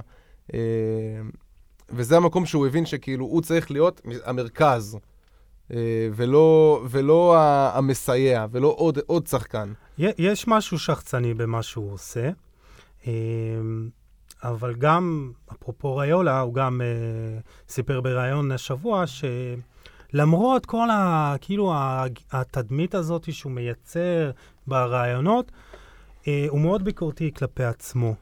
ו... והוא יודע להגיד, טוב, אני אולי בתוך חדרי חדרים, אבל כן הוא יודע להגיד שהוא הוא, הוא מאוד מבקר את עצמו והוא מאוד שואף לשלמות, ואתה רואה את זה במגרש. כאילו, הוא ווינר, הוא רוצה לנצח והוא משפיע, וזה פשוט מדהים לראות אותו. אה, בגישה שלו, ותשמע, זה, זה פשוט ללמוד ממנו ולראות ו, ולהתפעל. לגמרי, לגמרי. פשוט מדהים. אה, שאלה, מילן, יכולה ללכת עד הסוף? הימור שלך? קשה לי להאמין, אמרתי לך, זה באמת, זה יפתיע אותי ברמת לסטר, אני לא מגזים. זה פשוט כל מה שקורה שם, ההגנה... כי זה עונה, סליחה שאני קוטע, אבל זו עונה של כביכול אנדרדוג. זהו, אז, אז אם, אם, זה, אם זה יכול לקרות, אז זה רק העונה. זאת אומרת, אה, אם יאן יכולה ללכת עד הסוף, תשמע, בינתיים קצב צבירת הנקודות שלהם הוא לא פחות ממדהים. כן. כאילו, שמונה ניצחונות, שתי תוצאות תיקו. אני חושב שאנדרדוגית אחת uh, תזכה באליפות בחמש הליגות הבכירות. כן. אם זה נגיד uh, כביכול טוטנאם, צ'לסי, שאתה יודע, אנחנו מדברים על uh, ליברפול וסיטי כמעמדות העיקריות uh, כביכול. בספרד זה ברצלונה ו- וריאל מדריד. אתלטיקו מדהימה, ובאיטליה. אז אולי אתלטיקו מדריד היא המועמדת הכביכול היותר חושב... אה, רצינית מהאנדרדוגית לקחת אליפות. אז זהו, אני חושב שבאמת מכל הקבוצות האלה שהזכרנו, באמת אתלטיקו יש לה את הסיכוי הגבוה ביותר. ז- זאת עונת אתלטיקו טיפוסית. זאת אומרת, זה סטייל עונת 2014, האליפות האחרונה. גם ברצלונה וריאל פשוט, פשוט לא טובות, ואתה רואה את ה... קודם כל, השינוי שסימאונה עשה באתלטיקו הוא מדהים. שהוא עבר לשיטה של 3, 4, 2, 1. אוקיי. זאת אומרת, הוא עשה, הוא עשה שם שינוי מדהים ב, בשיטה ובגישה, ולפי דעתי אחד השחקנים שהכי מצביע על השינוי הזה זה מרקוס יורנטה. זאת אומרת, שחקן חשבתי ש... שתגיד uh, ז'ואאו פליקס. ז'ואאו פליקס? כן, ז'ואאו פליקס גם, אתה רואה אותו, הוא נוגע הרבה יותר בכדור, כי הוא הגיע לשם שנה שעברה, סימאונה לא זז מה-4-4-2 flat שלו, שהוא כן. כל כך אוהב, שם אותו כחלוץ, אתה יודע, טיפה נסוג, אבל זה לא היה זה. אתה רואה עכשיו ליד סוארז, ליד חלוץ שנע לשטח, אתה רואה אותו הרבה יותר נוגע בכדור, הרבה יותר מעורב, הרבה יותר מייצר מצבים. אבל בעיניי, מרקוס יורנטה זה, זה שחקן שכאילו, זה סיפור מטורף. כי תחשוב, שחקן שלא נספר בריאל, עוד אחד מהשחקנים ש, שזידן לא כל כך ספר אותם, עבר לאתלטיקו מדריד בסופו של דבר ב-30 מיליון יורו, והיום ממציא את עצמו מחדש גם, בגיל 25, ממציא את עצמו מחדש בתור... אה, קשר אה, התקפי 50-50, זאת אומרת, לפעמים הוא משחק טיפה באגף, שני, נכנס פתאום, לאמצע, הוא פשוט... מפקיע שערים פתאום. זהו, אז כמו שאתה אומר, כאילו, שהיום אין כל כך תפקידים בכדורגל, אז מרקוס יורנטה הוא באמת דוגמה לזה, הוא פשוט שחקן התקפה. פשוט היום שחקן התקפה, וגם עצם זה שהוא במהות שלו, בעצם שחקן עם אופי הגנתי, ויודע לחלץ כדורים, ויש לו מיקום טוב, זה גם עוזר לאתלטיקו במשחק הלחץ. זאת כן. אומרת, אה, סימאוני יוצר אה, צפיפות מאוד גדולה בכל מה שקשור למשחק ההתקפה. ומה שפעם הוא לא עשה, הרי סימאוני היה אוהב לחכות לקבוצות מאחורי כן, הכדור. כן, זה האבולוציה של אה, דייגו סימאוני, כאילו זה... דייגו סימוני 2.0. בדיוק. כאילו זה לא uh, מה שהיינו רגילים לראות מאתלטיקו, שאני יכול להגיד ב- ב- ב- ברמה האישית, זה היה כדורגל קשה לצפייה. לגמרי. אתה אומר, זה גם מאמן שהוא אה, עם המשכורת הכי גבוהה בעולם, זה גם אתלטיקו מדריד עם תקציב, עם שחקנים, אתה יודע, עשרות מיליונים. אז מה השינוי שהוא עשה בעצם השנה? בעצם כל השינוי של השיטה, זאת אומרת, אה, גם הכניסה של סוארז הוריד הרבה יותר מז'ואר פליקס. הוריד ממנו המון אחריות, ואתה רואה שהוא גם, הוא עכשיו הוא לוקח אבל יותר אחריות. כן. כי הכדור בא אליו יותר. ודיברנו על, אה, על מרקוס יורנטה, ופתאום יניק קרסקו, שחוזר, שחוזר לעניינים ונראה, ונראה כאילו ממש כמו לפני שעזב לסין. אה, ואובלק בשער, אתה יודע, זה דת בטוח, והם ספגו אשכרה שני גולים עד עכשיו בליגה. אבל היא יותר התקפית. זהו. והגנתית כאילו, זה נשאר... הגנתית זה הגנתית. הגנתית זה נשאר אותו דבר, אבל אפילו עוד יותר טוב. אפילו, אני חושב שזה בא, זה בא היה בד בבד, כאילו. כי גם הקטע של ה... שהוא משחק עכשיו אה, עם יותר שחקני התקפה, זה גם עוזר לו הגנתית בקטע של הלחץ. מאוד קשה להגיע נגד אתלטיקו מדריד למצבים. אה, וגם בסופו של דבר היא מייצרת את המצב הזה של הגול, כאילו, זה עדיין לא, אתה יודע, כדורגל שוטף וטיקי טקה ודברים כאלה, אבל זה כדורגל סופר תכליתי, אה, שבליגה הספרדית, זאת אומרת, אתה רואה את ה... אתה רואה כאילו, אנחנו רואים את המגמה שקורית בליגה הספרדית של קבוצות, אתה יודע, קבוצות... אה, בגלל דייגו סימונה. זהו, בדיוק. אז לא... אולי עכשיו הם יתקרבו, ירצו להיות כמוהו, ופתאום נראה יותר שערים. זהו, זהו, אז כאילו זה נראה שצ'ולו הוא באמת המודל של כל הקבוצות האלה, של כל ה-A-בר וכל הקבוצות האלה שבאות נגד ברצלונה וריאל מדריד, ושמות אה, אוהל 12 על, ה... על השער. אה, ובאמת, כאילו, הקטע ש... שהוא עשה שם עם ה... עם השינוי שלו בהתקפה, זה, זה מה שבעצם uh, שינה לגמרי את כל, ה, את כל המשחק של אתלטיקו, ואני חושב שבאמת יש לה סיכוי יותר מטוב לעשות את זה, כי היא הקבוצה היחידה שמצליחה לייצר יציבות בליגה הזאת. כן, כן, ואנחנו רואים את uh, ברצלונה, דיברנו עליהם, uh, שחובת פתיחת העונה הגרועה ביותר בעצם מעונת uh, 87-88, אבל יש גם את ריאל מדריד, וריאל מדריד כאילו...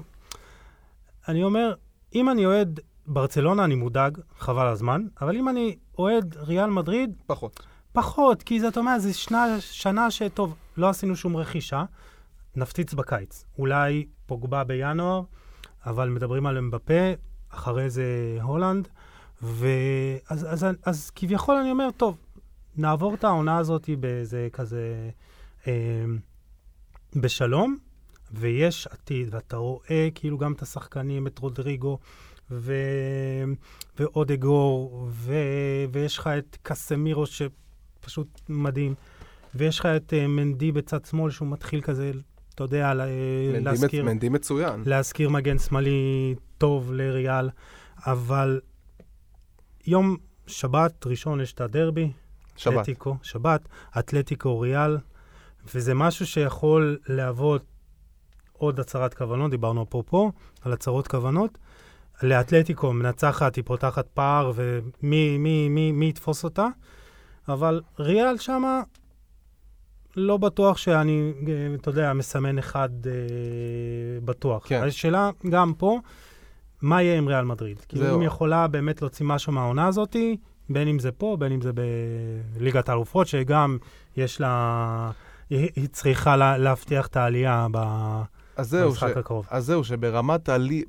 הליגה אני לא חושב ש... שריאל מדריד יכולה לעשות את זה, כי באמת, אתה רואה, כל הקבוצות ש... שרצות, יש להם את השחקנים האלה שסוחבים אותם, לאטליקו יש את סוארס ופליקס, ולמילן יש את זלאטן, וטוטנאם יש את קיין וסון. לריאל אין את השחקן הזה. כאילו סבבה, יש לה את בנזמה, אתה יודע, שהוא כן. נותן את הגולים שלו, אבל, אתה יודע, לא בתדירות שבאמת סוחב את הקבוצה, אגב, יש לה... פה רודריגו נותן גול, פה ויניסוס נותן גול, שוויניסוס זה לגמרי, זה לגמרי בוסר, זאת אומרת, נגיד היה משחק נגד, אה, אני לא זוכר, הוא הפקיע שם שער ניצחון, ואתה רואה, רואה בעצם למה השחקן הזה הוא עדיין, הוא עדיין, לא, הוא עדיין לא הכוכב שציפו ממנו להיות. כאילו, וואלה, אתה נותן גול. נותן גול ניצחון, נכנס, אחרי שנכנס כמחליף. אחרי זה, דקה 90, רץ מחצי מגרש, מחצי מגרש על מגרש שלם, כאילו, ו... יוצא לו איזה צ'יפ מוזר כזה, כאילו, בוא תהיה כוכב, בוא תן את הצמד, כאילו, בוא תראה שאתה קילר. אז אין לה, חסר את השחקנים האלה, ריאל מדריד, שיסחבו אותה, ובשונה... הם, הם בנו על uh, עדן עזר, ועדן עזר לא דומה לכלום. כן, בדיוק. אז אתה אומר, בעונה שעברה, אחרי הקורונה, כאילו, אחרי שחזרו מהקורונה וזה, גם היא ניצלה את כל מה שקרה בברצלונה, וגם, אתה יודע, יצרה איזושהי יציבות מההגנה. אה, מההגנה יותר, ובסוף תמיד הגול הגיע כן. איכשהו, מאיזה פנדל, לא איזה מצב נייח, בסוף הגול הגיע. אני חושב שלסמוך על זה שהגול יגיע במשך... אה, עונה שלמה זה לא עונה לא שלמה זה בעייתי. אה, לא, אבל קודם כל לפני הדרבי... דווקא בליגת האלופות נגיד, אני חושב שהיא כן יכולה להגיע רחוק. אבל עדיין לא עלתה, זאת אומרת, יש לה זהו. משחק סופר חשוב, ושאלה אם היא יכולה לא לעלות לשלב הבא. תשמע, אני חושב שבסופו של דבר היא, היא תעשה את זה, היא מארחת את uh, מנצ'ה גלדבך. Uh, אני, חושב שהיא, אני חושב שהיא תעשה את זה בסופו של דבר. ריאל זה לא... לא, לא כי לא... אתה לא מדמיין את uh, שמינית גמר ליגת האלופות ללא ריאל. זה בלתי נתפס שריאל מדריד לא תהיה בשמינית גמר ליגת האלופות. טוב, למרות יודע. שגלדבך פשוט קבוצה מדהימה. ותחשוב, כן. איזה הזוי זה ש... תחשוב על, על שכתר, איך שנראתה מול גלדבך, זה היה נראה שם כמו נוער נגד בוגרים. ו, ושבוע אחרי זה, שכתר בא ומנצחת את ריאל מדריד, כאילו, כל הבית הזה הפוך לגמרי, כל הבית הזה... יש שם איזה שחקן כזה, כן. מספר 19, לא... גלדבך נראית הקבוצה הכי מאומנת בבית הזה, כאילו, בפער. אה, אבל אני חושב שבסופו של דבר ריאל תנצח, וריאל תעשה את זה, ת- ריאל- תגייס את הרוח של ריאל מדריד ותעשה את זה. אוקיי, אז דבר. ריאל ו- ואינטר תנצח את אה, שכתר, או שאנחנו, יש לנו סיכוי לשחקן ישראלי ב- אה, בשלב הבא? בגדול, אני חושב ש... וואי, זה משחק פתוח, ואני חושב שקונטה שוב יפשל, כמו שהוא נוהג לפשל במפעלים האירופיים. לא, אה, לאינטר אין אה, סיכוי בעצם. לא, נכון? לאינטר, אה, לאינטר יש לה סיכוי בקונסטלציה מסוימת עדיין, לכל הקבוצות יש שם סיכוי. היא צריכה לנצח. אבל קונטה, קונטה ב- בליגת האלופות זה סיפור. זאת אומרת, גם עוד מהתקופה שהוא אימן ביובנטוס, הוא מאמן שלא הצליח, בליג, הוא לא מצליח בליגת האלופות, מאמן שלא מצליח באירופה. עזוב ששנה שעברה סבבה, הוא הצליח להביא אותם לגמר הליגה האירופית, הפסידו שם לסביליה. אה, ואני חושב ש... יש לי תחושה ששכתר תעשה את זה. יש תחושה שסולומון יעשה שם עוד משהו, אתה יודע. טוב, הוא כבר אה, כבש בסנסירו בעונה שעברה, אז הוא יודע מה זה לנצח שם דקה 90 ומשהו, כן. אנחנו סומכים עליו. טוב, אז זה דווקא אה, משתלב לנו יופי, מנור סולומון, נבחרת ישראל, יש לנו קמפיין אה, מוקדמות נגד הנבחרות החלשות באירופה. כן, ממש כן, קיבלנו... עכשיו יש לנו סיכוי, חברים, כן, ואנחנו כן. יכולים, זה, זה, זהו, זה רק עלינו. לקחת, כן. קנית כרטיסים לקטר? זה, הנה, הנה, זה פה על השולחן. מה יהיה? כאילו, אני באמת לפעמים אומר, אה, אנחנו עושים כביכול את הטעות הזאת כל פעם מחדש, ואומרים, וואי, איזה הגרלה נוחה, חייבים לעלות, כאילו, אנחנו, זה, זה שמה. אולי הפעם באמת אנחנו נבוא צנועים, נשחק כדורגל טוב, נתכונן, נגבש לנו הרכב, סגל, שירוץ. נחשוב גם על העתיד, אבל זה כבר דיון יותר אה, אה, מפותח מזה, צריך אה, לעשות. ו- אבל כאילו, נבוא צנועים. תשמע, אני בקטע הזה, אני אגיד לך את האמת, אני לא יכול לסבול את הפסימיות. זה, ו- זה, זה לא פסימיות, זה, זה ה, ה, ה, ה, לא עם אופוריה, אבל זה כאילו, צריך להסתכל למציאות בעיניים ולהגיד, לא, ברור. אנחנו פה, לא, אנחנו לא למעלה יותר מדי, לא למטה, זה המקום אז, שלנו. אז אני לא אומר, אז אני לא אומר, אני אשנה את ההגדרה, זאת לא הג- הגרלה נוחה, היא בטח לא. כן, היא הכל חוץ מנוחה. אבל יכלו, היא יכלה להיות כן- יותר קשה. היא כן סבירה. ברור. ו- וצריך להגיד את זה. כאילו, אין מה לעשות. בוא, לא קיבלנו פה, לא צרפת, לא ספרד. גם מהדרג השלישי יכולת לקבל את רוסיה וקיבלת את סקוטלנד. כן.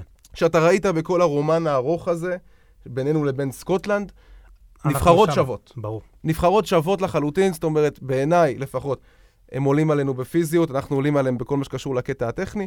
חוץ מהמשחק הזה שהיה שם 3-2, כאילו, שהפסדנו בגלסגו, עמדנו נגד סקוטלנד והיינו יותר טובים מהם רוב הזמן.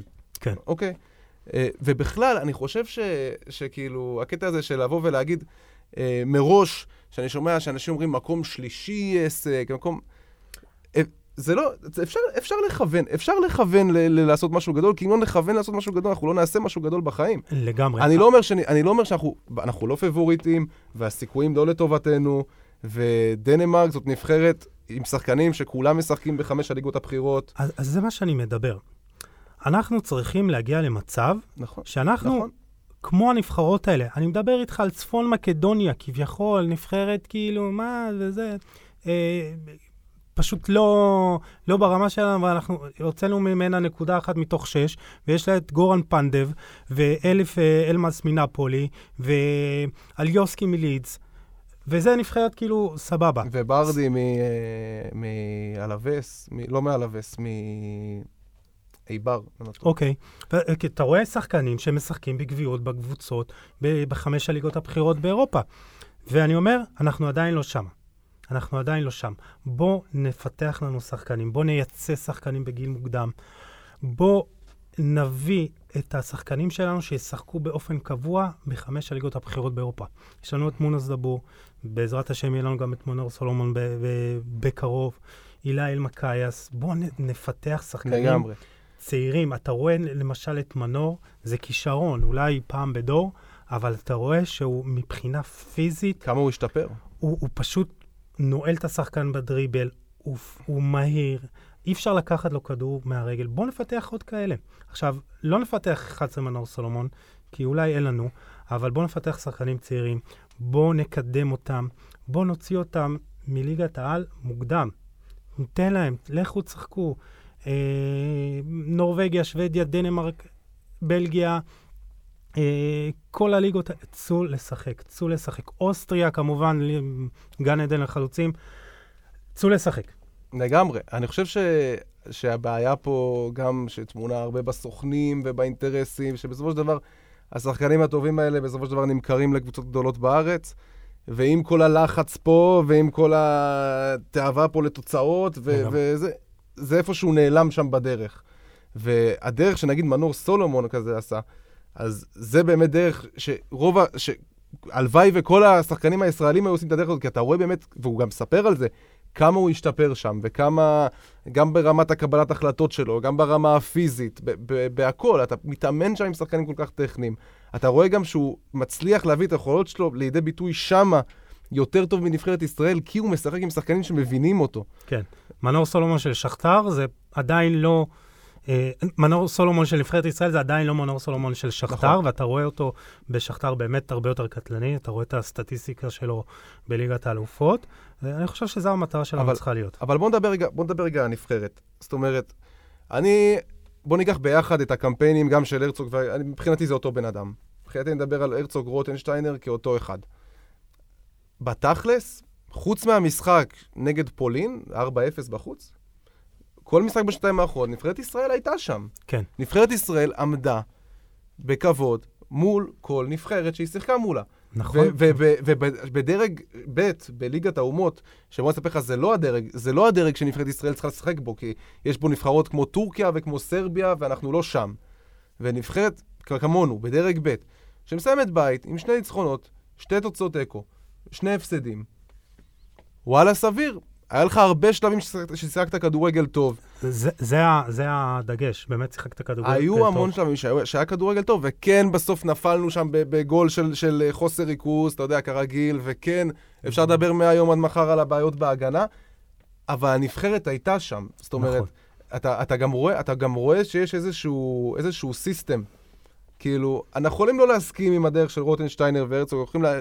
כן שלושה בלמים, לא שלושה בלמים, אתה יודע, כל אחד יש לו את הדעה שלו, אבל בסופו של דבר לנבחרת יש דרך ויש לה היררכיה ברורה. כן, וכמו ש... וזה דברים שחשובים בנבחרת. כמו שציינת את הרעיון של uh, מנור סולומון, שהוא נשאל אם uh, רוטנשטיינר uh, צריך uh, להישאר, ו... התשובה שלך הייתה... לגמרי, ואני באותו רגע ששמעתי... זה היה ברור, מה שהוא אמר. ואני באותו רגע, דוגמה, אני עד לפני זה חשבתי כאילו, חשבתי על יוסי אבוקסיס כמועמד טוב בנבחרת. חשבתי שהוא באמת מתאים. אבל, אבל זו הבעיה, אנחנו תמיד מסתמכים כביכול על הטאלנט המקומי בגזרת המאמנים. זה עכשיו אבוקסיס, מקודם זה היה אה, אה, אלישע לוי, קשטן, אברהם גרנט, שלמה שרף. אנחנו תמיד חוזרים לאותה נקודה. מביאים את הטאלנט המקומי בגזרת המאמנים, ובסוף הוא גם מקבל את אותה הנבחרת, כאילו, את אותם השחקנים. פעם זה ככה, פעם זה ככה. פעם יש לך דור קצת יותר מוכשר, פעם דור פחות. אני חושב שזה פחות קריטי מי יהיה המאמן, אבל אתה רואה שפה הייתה איזו דרך מסוימת.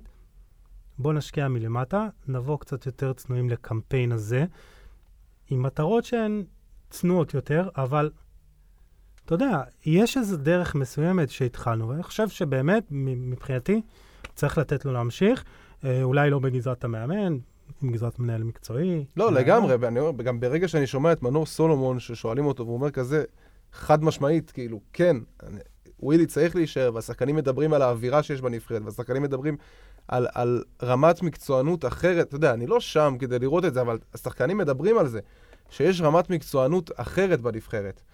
וכאילו, אתה אומר לעצמך, למה לא? כאילו, אם התחילו פה משהו, ואתה רואה שיפור בנבחרת. זאת אומרת, גם מ-0 ל-1 זה שיפור. כן. אתה ראית שיפור בנבחרת. לא, לא, משחק הרבה יותר אינטנסיבי, מהיר. חד משמעית, כאילו, אם אתה גם, אם נלך אחורה לקמפיינים קודמים, כאילו, בוא, היו פה התבזויות של הפסדים לקפריסין, והיו פה כל זימון לנבחרת, היית רואה כמעט אה, 15, 15, 17 שחקנים כאילו שונים. כן. אה, ופה אתה רואה באמת שיש איזושהי דרך, איזשהו משהו קבוע, ואני אוהב את זה. כן, הייתה, הייתה שגרה בבחירת השחקנים. אה, יכול להיות שלפעמים, אולי, אתה יודע, אה, היה צריך לתת יותר צ'אנס לשחקנים חדשים, אחרים, אבל שוב, זה לא שיש לנו פה מאגר של עשרות ומאות שחקנים שאפשר לבחור מהם אה, נבחרת. אה, אבל אני חושב שהכיוון הוא חיובי. בואו נראה, אני באמת מקווה ש, שיעשו איזה משהו שונה הפעם.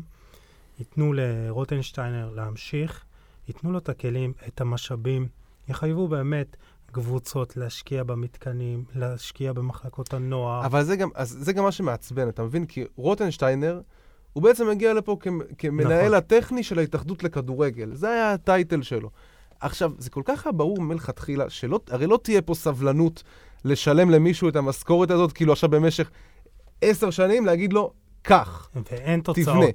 כאילו, דורשים ממנו, באים אליו בטענות, שהוא מעמדת המנהל הטכני, למה התוצאות של הבוגרת ככה, אבל גם באים אליו בטענות על זה שלמה התוצאות של הצעירה ככה, ומצפים הכל לראות מיד.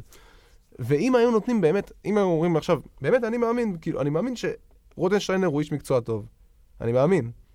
ואם היו באמת אומרים לו, שומע? קח, עשר שנים, סע. כן. סע שלך. נכון, אבל, אבל לתת לו את הכלים. אבל זה משהו שלא יקרה פה. והבן אדם באוסטריה עשה את זה. הבן אדם העלה את אוסטריה מאיזה מקום 80 ומשהו בדירוג העולמי, כאילו, העלה אותה, והם עלו לטורניר גדול, עלו ליורו. כאילו, הוא עשה כבר דברים בכדורגל, ואתה רואה שהבן אדם מבין כדורגל. ופה מזלזלים, ופה באמת אנחנו לא יודעים לתת את השקט, לא יודעים לתת את המשאבים, לא יודעים לאפשר לבן אדם לעבוד. גם, מצד שני, גם הבן אדם, זה נראה שהוא לא כל כך מבין את הגדרת תפקיד שלו. כן. כי... תשמע, אני לא יודע איך זה שמה באמת, אני לא יודע מה חלוקת העבודה שמה. אה, אני לא יודע אם מאפשרים לו, לא מאפשרים לו, אם נותנים לו, לא נותנים לו. אני חושב שצריכה פשוט להיות דרך ברורה, הגדרות תפקיד ברורות, שתהיה דרך, שתהיה דרך שנאמין בה, שנלך בה כמה שנים. בואו ניתן לנו יעד עוד חמש, שש שנים. אתה יודע, לקפוץ עוד עשר מקומות, עשרה מקומות בדירוג העולמי. כאילו, בוא נתקדם צעד צעד. אנחנו לא נהיה פתאום, אתה יודע, בגביע העולם או ביורו וככה. ברור. תשמע, בעיניי, עצם זה שאנחנו כאילו מדינה שכל כך חיה כדורגל, כל כך אוהבת כדורגל, בואכה עשרה מיליון תושבים כאילו עוד שנייה, זה עצם זה שאנחנו לא מצליחים אפילו להיות רלוונטיים ללעלות לטורניר גדול, יש פה איזושהי תקלה. כי זה לא שאתה לא מדינת כדורגל, אתה מדינה שחיה כדורגל, נושמת כדורגל. ומשהו עושים לא נכון. עכשיו, כל אחד יכול להגיד מה זה המשהו הזה. בסופו של דבר, בעיניי, באמת, הקטע של להביא איש מקצוע מבחוץ, מבורך. אני, אני בעיניי, בדעה שבאמת כמה שיותר אה, מאמנים מבחוץ, כי באמת גם רוטנשטיינר, מה שהוא דיבר פה, אחד מהדברים שהוא עשה ובעצם לא מדברים עליהם, זה שהוא העלה את הסטנדרטים של הקורס פרו. זאת אומרת שעד לפני שנתיים, כאילו לפני שהוא הגיע, היה מאוד קל להוציא קורס פרו וקורס מאמנים, ואנשים סיפרו שבעצם זה לא, זה לא משהו שדורש יותר מדי, אה, והיום הדרישה הרבה יותר עלתה, והסטנדרטים הרבה יותר עלו. אה, ואני יצא לי גם להיות ב... בכנס שהם עשו uh, של, uh, של המאמנים, שהביאו את ג'ורדי קרוי, הביאו את uh, אברהם גרנט, הביאו מאמן שוערים שעבד בביירן מינכן, באמת, הוא, הוא מנסה לשדרג בקטע הזה, ואני חושב שהוא הבין גם שברגע שיהיו לנו פה מאמנים יותר טובים, אז יהיו לנו פה שחקנים יותר טובים, זאת השורה התחתונה. תשמע, יש כמה צעדים, אנחנו אולי נקדיש לזה פרק uh, מ... משל עצמו לקידום השחקן הישראלי והכדורגל הישראלי, אבל גם באמת, אחד הצעדים המשמעותיים בו זה קידום מעמד המאמן, זה, זה הכשרת מאמנים יותר טובים, ונקווה שזה יקרה, נקווה שזה יקרה. הלוואי, הלוואי. ו... טוב, אנחנו מגיעים ככה לסיום הפרק, ואנחנו נסיים כל פרק עם תחרות ניחושים של המשחקים המרכזיים ש... שיש בסוף שבוע, ויש אה, משחקים נחמדים ביותר. אחלה משחקים. כן, אז אנחנו נתחיל ב- באנגליה. דרבי של מנצ'סטר, יונייטד מארחת את סיטי, וזה צמוד שם. יונייטד, אתה יודע, מקום חמישי, סיטי קצת להתחבר. אה, מתחברת, אז uh, יאללה, לך על זה, מה אתה אומר שיש? אני אומר יונייטד. יונייטד? יונייטד. אחד? אחד. אתה בטוח? כן, יונייטד חד משמעית. טוב, אז אני מה שקצת, אה, אה, אתה יודע, אצל יונייטד, אה, ככה, לא יודע אם דגדג לי, יש הרבה פערים בין, בין מה שהיא יכולה, אתה יודע, בין מה שהיא נותנת, היא יכולה לנצח 5-0 את לייפציג, והיא יכולה כן. באמת כאילו משחק אחרי זה להיראות, מחצית ראשונה נגד וסטאם הייתה באמת אה, זוועתית, היא ניצחה בסוף, אבל אני חושב שהפערים שם עדיין, אה, כאילו זה עדיין לא שם. לסיטי, אני חושב שגם לסיטי יש פחות או יותר אותה בעיה. נכון, נכון, אה, אבל אני חושב שבמשחק הזה אני אלך דווקא עם סיטי. אה, ניצחון חוץ, ו... אוקיי. טוב. אברטון נגד צ'לסי. אני אגיד לך מה לגבי אברטון, אני מאוד אוהב אותה. היא פתחה מעולה, ככה היא קצת התאזנה, אבל יש שם באמת, אנצ'לוטי עושה שם עבודה טובה. שם את אה, דומיניק אה, קלברט לואין, שהוא באמת אחד החלוצים הלוהטים. איזה סקורר. אם דיברנו אפרופו על אה, שחקנים אוניברסליים, הוא כן. חלוץ תשע, לא נגע הרבה בכדור. ניקיטה רוקאביצה. כן, לגמרי. ו- אבל צ'לסי מתחברת. צ'לסי מתחברת. אנחנו לא נגענו, אבל כדאי לגעת בקטנה. צ'לסי עם אדוארד מנדי וטיאגו סילבה. אני חושב שיש שני שינויים. עיקריים, אדוארד מנדי וחכים זייש. פשוט מאוד, כאילו, הבן אדם הגיע ופתח שם, פתח את כל, ה... את כל הקטע היצירתי בהתקפה. זה. זה נראה מדהים, המ- המסירות שלו, זה פשוט תאווה לעיניים, כאילו, וההגבהות שלו, ואיך שהוא מעמיד שם שחקנים במצבים אה, מדהימים. אה, כלים התקפיים בלתי נגמרים, ז'ירו שלא סופרים אותו, ופתאום הוא עולה ונותן רביעייה ונותן לנו גול בליגה. כן, underrated. underrated ענק. אה, אני הולך עם צ'לסי במשחק הזה. כן, שתיים. שתיים. תשמע, כמו שאמרתי, אברטון פתחו טוב. מאוד התלהבתי, כי הם שיחקו כדורגל טוב. עם חמז היה נראה מדהים, וקלברט לואין. אה, אבל תמיד באמת יש לך את הטעויות בהגנה, ופיקפורד הוא עדיין ככה, אי אפשר לסמוך עליו. אה, ריצ'רליסון הוא שחקן מעולה, אבל עדיין, אתה יודע, לפעמים נעלם. אני גם חושב שאני אלך עם צ'לסי. אני גם חושב שאני הולך עם צ'לסי. Uh, משחק הבא, דרבי של מדריד, ריאל מארחת את אתלטיקו. אתלטיקו. אתלטיקו? אתלטיקו. די, די, אז אה, שתיים, אה, נו, הכי מהיר שהיה. כן. ניחוש הכי מהיר שהיה. לגמרי. אני חושב שדווקא נלך על תיקו פה. אני חושב שתיקו לא, לא כביכול תהיה תוצאה אה, רעה עבור אתלטיקו וריאל.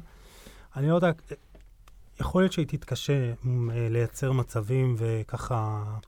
לא, 0-0 זו תוצאה מאוד הגיונית פה. כן, אתה אומר? יאללה, הנה. אתה רוצה להחליף? לא, אני זורם על אתלטיקו, ת- ת- תיתן את הגול שלה. אה, איטליה, גנואה נגד יובנטוס. איקס. איקס? איקס. לצערי, משחק קודם ניצחנו, עכשיו מגיע התיקו. אה, ככה זה ביובנטוס של העונה. תשמע, אה, רונלדו, רונלדו, אני פשוט איתו. אני, אני לוקח אה, שתיים פה. יש לנו גם את מילה נגד פארמה. אחד. טוב, וגם אני פה עם אחד. קשה להמר נגד מילאן העונה. כן. אה, טוב, יש גם אה, שני משחקים מעניינים בליגת העל שלנו. אנחנו לא דיברנו על ליגת העל. אה, יש הרבה מה לדבר, כמובן הרכישה של בית"ר ירושלים.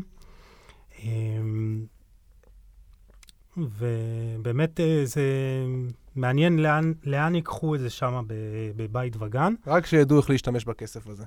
זה בדיוק, זה בדיוק, ואני חושב שבאמת אה, בהשוואה לכסף הגדול והבלתי נגמר בתקופת גיידמק, כששפכו אותו על חנות בקניון אה, מלחה ועל ערוץ טלוויזיה, באמת על שטויות, הפעם באמת חייבים להשקיע, וזה התכנון, וזה מה שמדברים עליו, להשקיע בתשתיות במחלקת הנוער. לא, הוא גם אומר, אני אביא 30 מיליון כל שנה, זאת אומרת, זה לא יהיה בהעברה אחת, שעכשיו בית"ר תקבל אה, 300 מיליון. הוא אמר, כן. במשך עשר שנים, 30 מיליון אה, שקל כל שנה.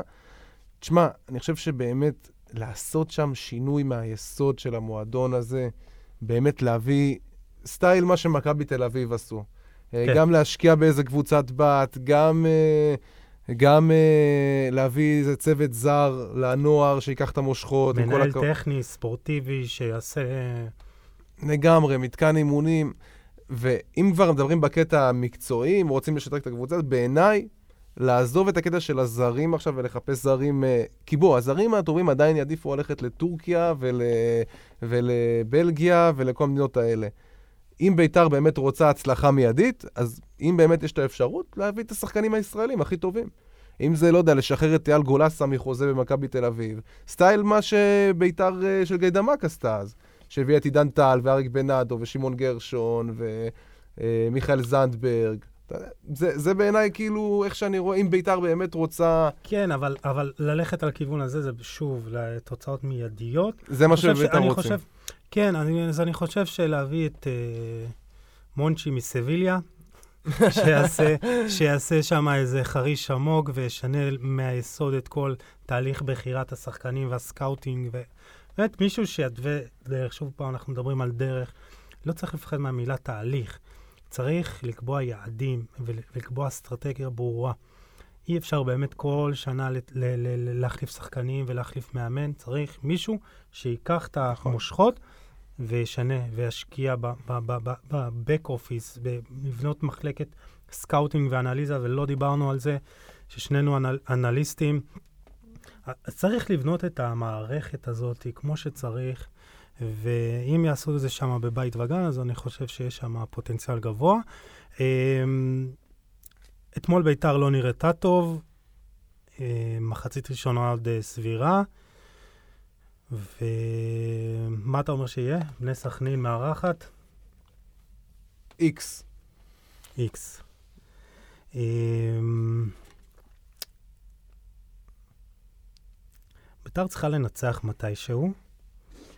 היא צריכה להיראות טוב. אני מאמין שזה יהיה המשחק הזה. לך עם הלב. כן. ועוד משחק שהוא אולי פעם היה קצת יותר אה, יוקרתי. מכבי חיפה נגד הפועל תל אביב, משחק אחרון שלנו פה בתחרות הניחושים, שאני מקווה שאני אגיע לפה שבוע הבא ולא מרוב בושה לא אגיע, אבל uh, מכבי חיפה נגד הפועל תל אביב, uh, אני חושב שאולי שנינו מסכימים. חיפה ביותר מגול. חיפה באחד פלוס. אוקיי, אני גם uh, נאלץ להסכים איתך. Uh, הפועל תל אביב, הצרות שם, באמת... Uh, קשה להם לייצר... אני לא רואה את הקבוצה הזאת מצליחה להפקיע גול בקרוב, כאילו זה... שלושה שערים בשמונה משחקים? שער שדה אחד. לא, שני, שערי שדה או שער שדה אחד? משהו כזה. גם אם שלושתם יהיו שדה, כן. להפקיע אה, שלושה שערים בשמונה משחקים. אני, אני, אני לא זוכר, גם הקבוצות שבאמת ירדו ליגה, הספק אה, התקפי כזה דל. זהו, וגם לא תגיד שהיא מתפרקת הגנתית, כאילו, ההגנה שלה זה הכל בסדר. כן, גם, שמונה, שמונה תשעה שערי אחוז. הקישור שלה סביר, גם ההתקפה שלה, הם עושים דברים יפים, אבל כן, פשוט ופתאום... חסרי מחץ. ועוד עכשיו אה, דובר על אה, אלטמן ל...